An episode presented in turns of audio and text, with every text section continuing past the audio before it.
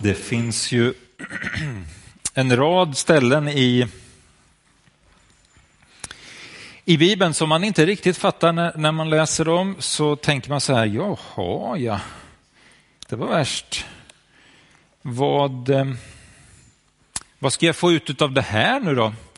Eller vad ska jag tro om det här? Eller vad, ska jag, vad handlar det här om? Och det här kanske är ett just sånt ställe då, som man kan komma till och läsa och fundera över. Ja, men vad betyder egentligen detta? Det här är då en profetia eller en bild, en vision som en profet får. Han heter Hesekiel, den här profeten. Och så får han, han får en mängd med visioner, bilder ifrån Gud. Och så skriver han ner de här bilderna Eh, och berättar om de bilderna. Och så kan vi läsa dem. Och då ska vi läsa en av de bilderna då från Hesekiel 47 och så får du följa med och så får du se. Då kan det vara så här att du kanske tänker så här, ja, ja det där förstod jag ju allting av, det var inga konstigheter. Eh, men så kanske det är en del som tänker så här, jaha, ja, det, det, det var väl kanske fina ord, men jag undrar egentligen vad det betyder. Ska vi ta och titta lite grann på de här texterna och se om det inte kan också betyda någonting för oss idag som är samlade här i kyrkan. Vi läser texten tillsammans. Han förde mig tillbaka till templets ingång. Då såg jag vatten tränga fram under tröskeln och rinna österut.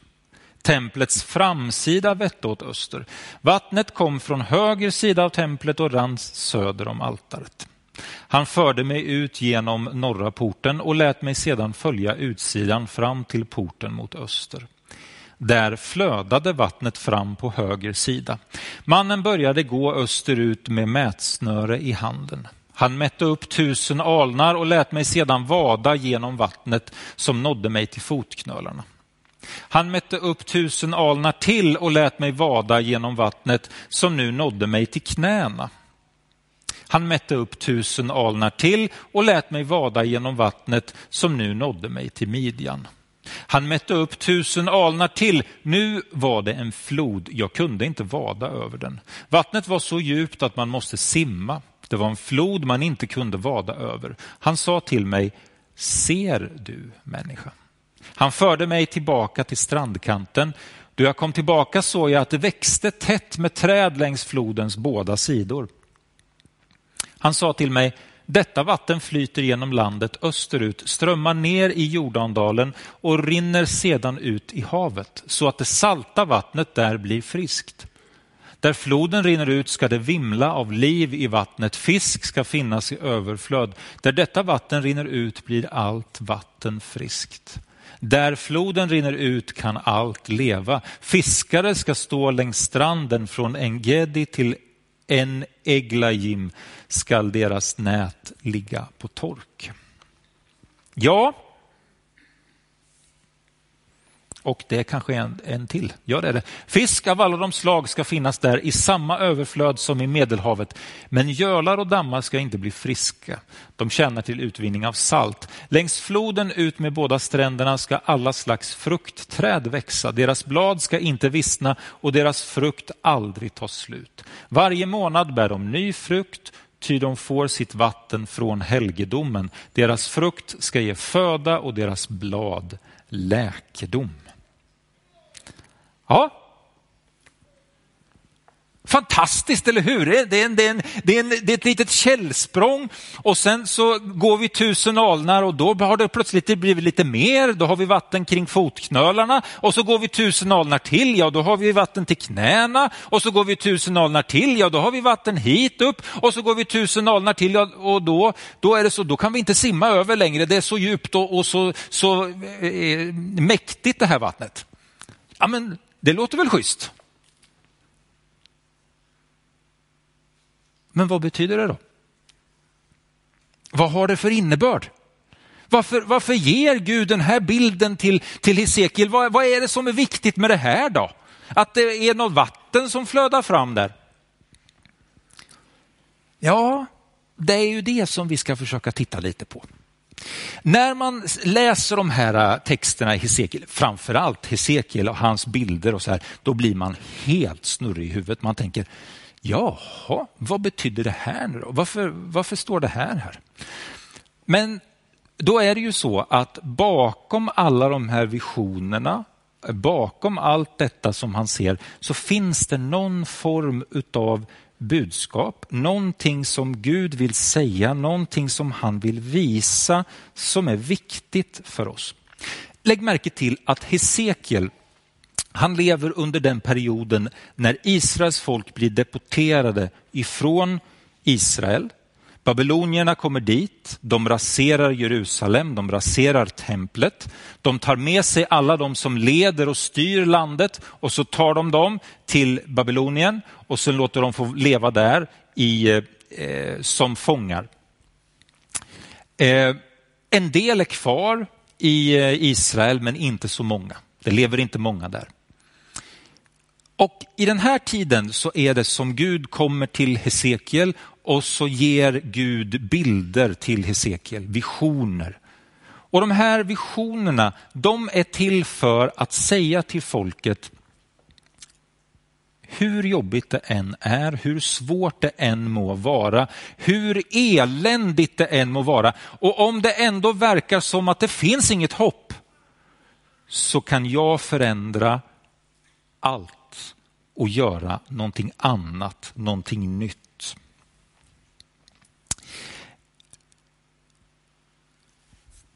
Den här mannen som visar Hesekiel runt där, då, det är ju troligen en ängel, då, en, en, ett Guds sändebud. Och, och ängeln säger ju till, till, till Hesekiel, ser du? Ser du? För förstår du vad det är du ser?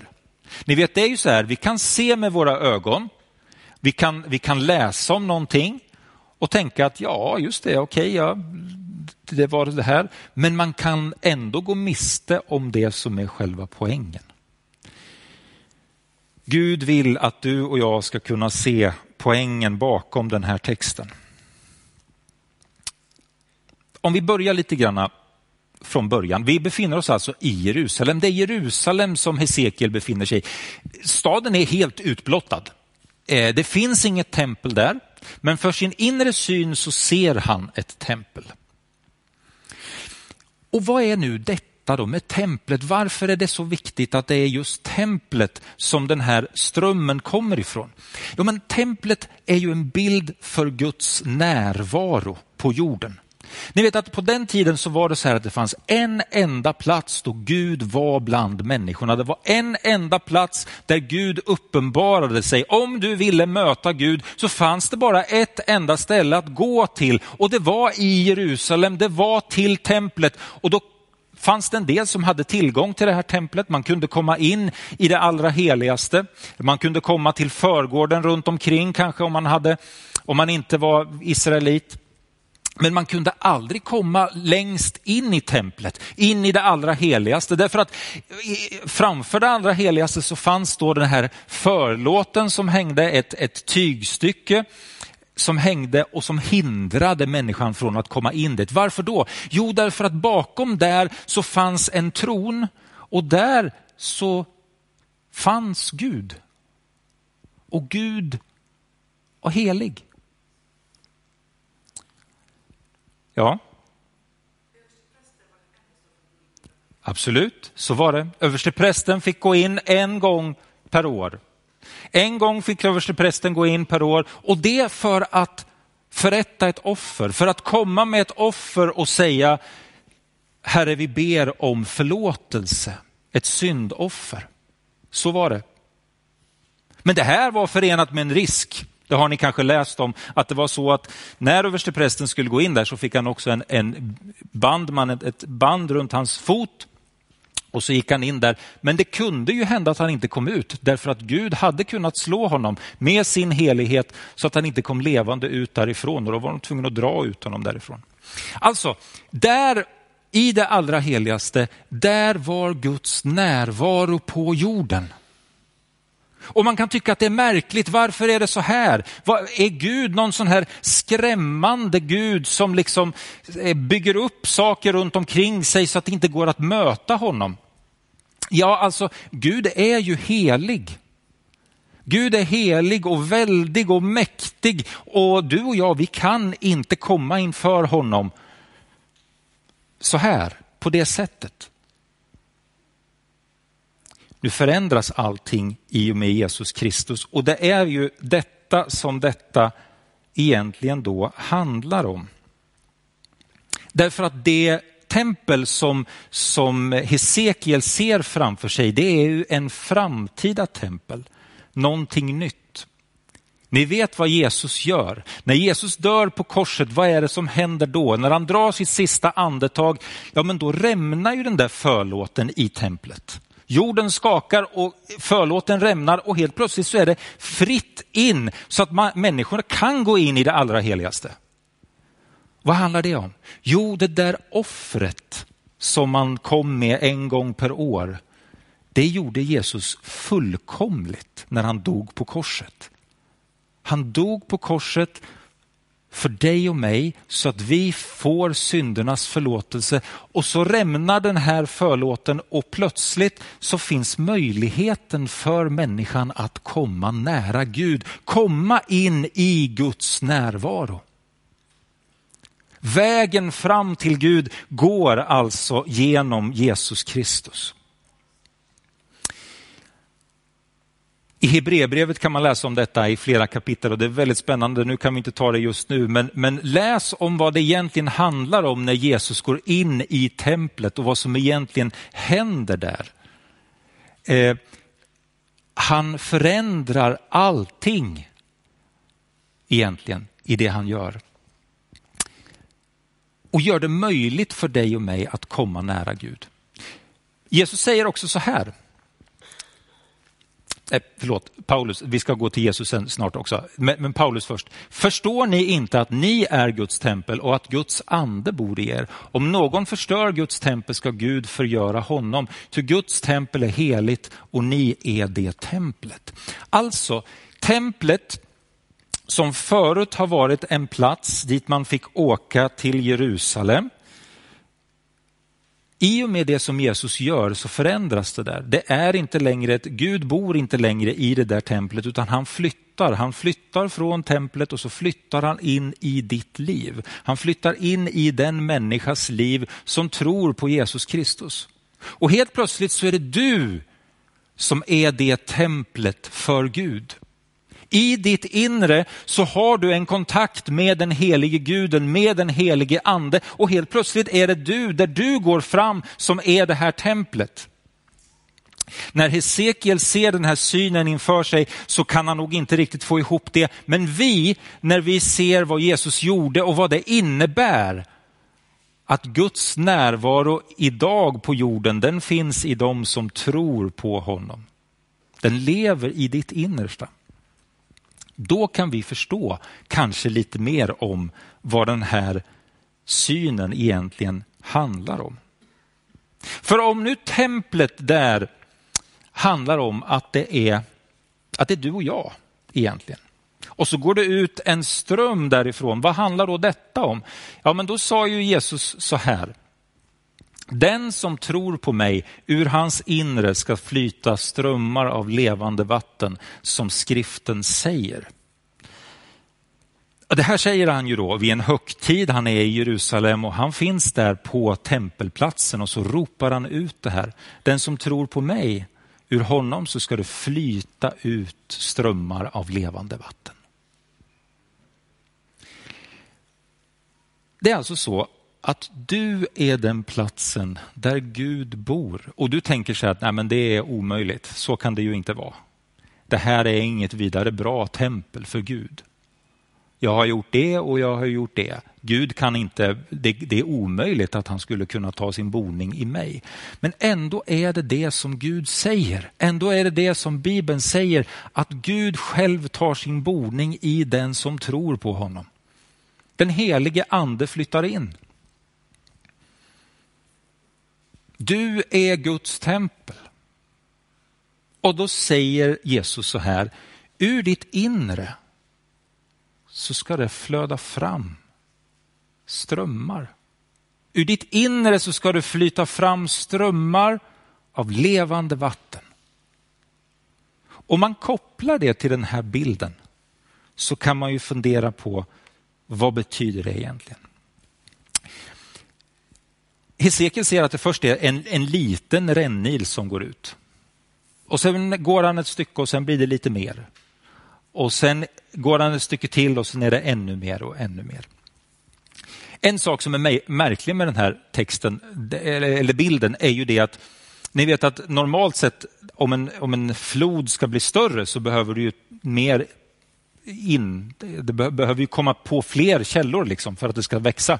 Men så är det ju inte i det här fallet. Utan det är bara en enda källa, men den växer. Det finns bara ett ursprung, det är bara den helige ande, det är bara Guds kraft som är denna källa. Men den växer. Och jag tror att den där bilden av det där eh, vattnet som blir bredare och djupare, det är också ett, en bild för ditt och mitt andliga liv. En del av oss, vi går ett stycke på den där vägen och känner hur vattnet kommer upp till fotknölarna och tycker att det är ganska skönt och trevligt att ja, det var lite svalkande och fint detta. Eh, det är fint att känna att Gud är med oss. Och så kanske man inte riktigt går vidare. Man kanske tycker att ja, det är rätt bra här. Jag kan nog sätta mig här och vänta lite grann. Känna hur det svalkar kring fötterna. Och så finns det de som väljer att gå lite längre. Och vattnet går upp lite mer. Och lite mer och lite mer. Och lägg märke till det som står mot slutet av den här bilden. Då börjar det växa träd runt omkring stränderna. Lägg märke till att, att träden som växer där, de i sin tur ger liv till annat som kommer dit. Läkedom och kraft finns det i, de där, i den där växtligheten. Nu är ju det förunderligt därför att själva bilden i sig är ju en, en ström som flödar ner i det allra djupaste utav djupa hålor i världen. Där, där, den lägsta punkten på jorden det är ju Döda havet. Och det är dit som den här strömmen liksom går. Och, och, som det ser ut idag så är det ju så här att det finns ingenting som kan leva i Döda havet. 35 procent ungefär, 30-35 procent ungefär av Döda havet är ju saltvattnet som är där. Det, det är 35 procent salt. Liksom. Så ingenting lever ju, det är ju stendött. Totalt stendött. Du har ju ingen växtlighet eller någonting sånt utan det är ju bara salt. Liksom. Det är bara dött. Och så säger den här bilden att när den här friska källan kommer och väller fram så är det som att det tränger undan det salta vattnet. E, egentligen så är det ju så här att om, om du har saltvatten och sen så kör du på mer, vatten, mer sötvatten, ja då späds det ju ut. liksom. Eh, och så blir det mindre och mindre salthalt då, då, ju mer du har, får sötvatten. Men, men, men i den här bilden så verkar det inte som så, utan i den här bilden verkar det som att det här vattnet som kommer ifrån templet, som kommer ifrån Jerusalem, ja men det förändrar vattnet så att det blir levande. Så att det blir friskt vatten och saker och ting börjar blomma runt omkring. Vad säger det här egentligen till oss? Jo, men det säger att när du och jag är på den lägsta nivån i livet, när du och jag är på platser där, där det inte finns något andligt liv. Har du varit på några sådana platser någon gång? Ganska ofta va? Ganska ofta är man på platser där, där det finns egentligen inget andligt liv. Det är dött. Det är för mycket salt, det är för mycket elände helt enkelt. Det, det, det växer ingenting där. Men bilden säger att när du befinner dig där på den där platsen så kan du få stå i strömmen ifrån Jerusalem. Stå i den här strömmen och det förändrar saker och ting runt omkring dig. Där du går fram, du lever i den här strömmen och där, där det som finns runt omkring dig får börja blomma. För att du står i Guds ström i det som Gud har.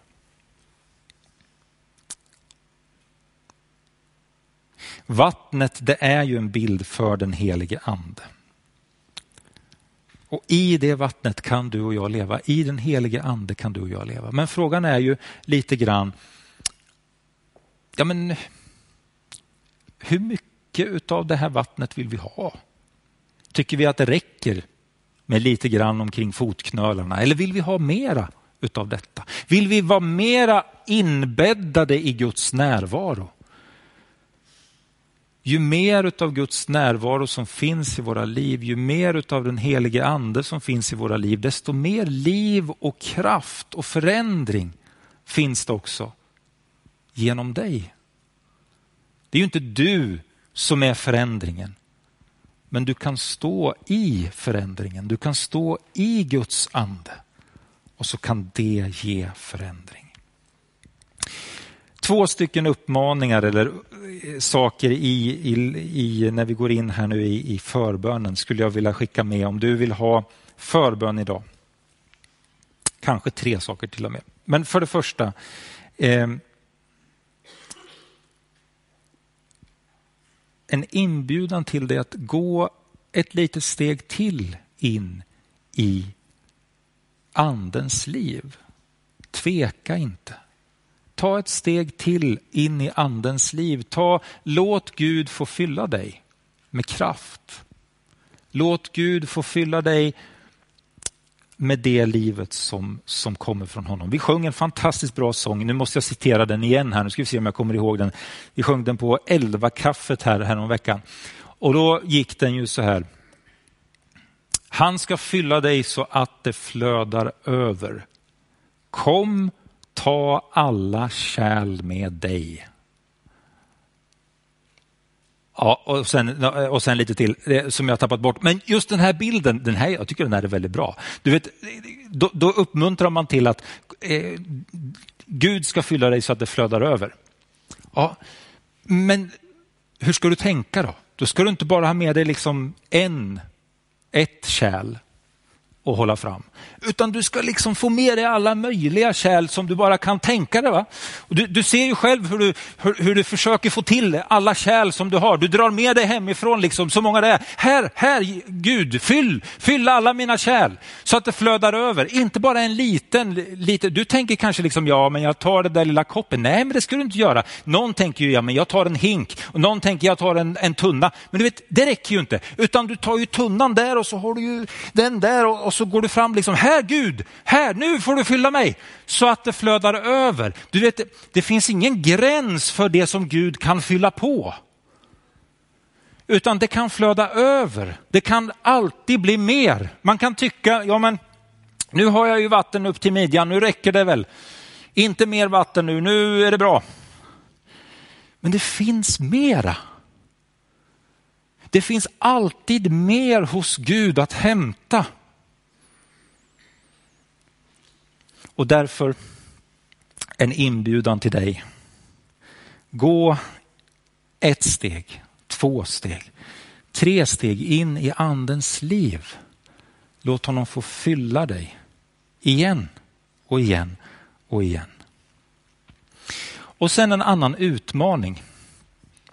Det är ju faktiskt så här att det här vattnet det, det ökar på ju längre ut i ödemarken och ju längre ut i eländet som man kommer. Och här finns det ju faktiskt en sak som är viktigt att komma ihåg med den helige ande. Den helige ande trivs ju i situationerna när Gud får möta människor som har ett behov. Alltså den helige ande trivs ju att få vara där, där människor behöver honom. Det är klart att vi behöver honom. Det är klart. Vi tror på honom, vi behöver honom. Men människorna som inte har något andligt liv alls, de behöver honom ännu mer. Och då finns det också mer att hämta. Och därför en utmaning till dig. Om det finns områden som verkar omöjliga, om det finns områden som verkar saker som är liksom andligt döda. Människor, situationer som är andligt döda.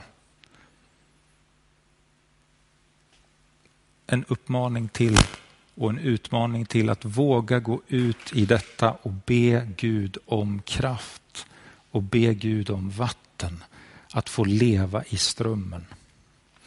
Det var två saker. Den tredje saken är, om du är här som liksom inte har upplevt detta och inte har upplevt, inte tagit emot detta inre liv, så är det så att Jesus han sa ju så här att den som tror på mig, ur hans inre ska flyta strömmar av levande vatten. Det är ett löfte från Jesus till dig och till mig. När du tror på honom så placerar han en källa av liv i ditt hjärta. Därför, vill du ta emot den källan, vill du ha den källan, rikta dig då till Herren. Be till honom. Säg, jag behöver ditt liv. Och då vill han komma och han vill ge dig utav det livet. Christian, du är välkommen fram. Vi ska sjunga några sånger tillsammans och du har möjligheten att få förbön. Komma fram här. Vi har några förebedjare som kommer sitta här och be för dig. Eh, är det någonting som du känner att du vill ha förbön för idag så välkommen. Och kom ihåg det att Gud vill fylla dig med kraft och med liv. Herre, tack för att det alltid finns mer hos dig. Herre, jag ber om din heliga andes närvaro. Tack för att din, din närvaro, Herre Jesus, den är, den är här i detta rummet, Herre. Tack för att du också bor i oss, Herre Jesus Kristus. Tack Herre för det du gjorde på Golgata som betyder att det, det är, finns ett fritt utrymme att få komma nära dig, Herre Jesus. Tack Herre Jesus för att det är så att, att vi får ta emot av detta liv, Herre. Tack för strömmar av levande vatten och jag ber Herre Jesus om att vi ska få mer av det, Herre Jesus. Att vi ska få, få stå i den strömmen, Herre Jesus Kristus. Tack Herre Jesus för att du idag vill beröra människor, du vill beröra oss och låta oss få gå lite djupare in i din gemenskap, in i din närvaro. Herre, vi ber om detta för att människor och för att situationer, Herre Jesus, ska få uppleva ditt ljus, din kraft kraft, ditt liv, Herre Jesus. I Jesu namn. Amen.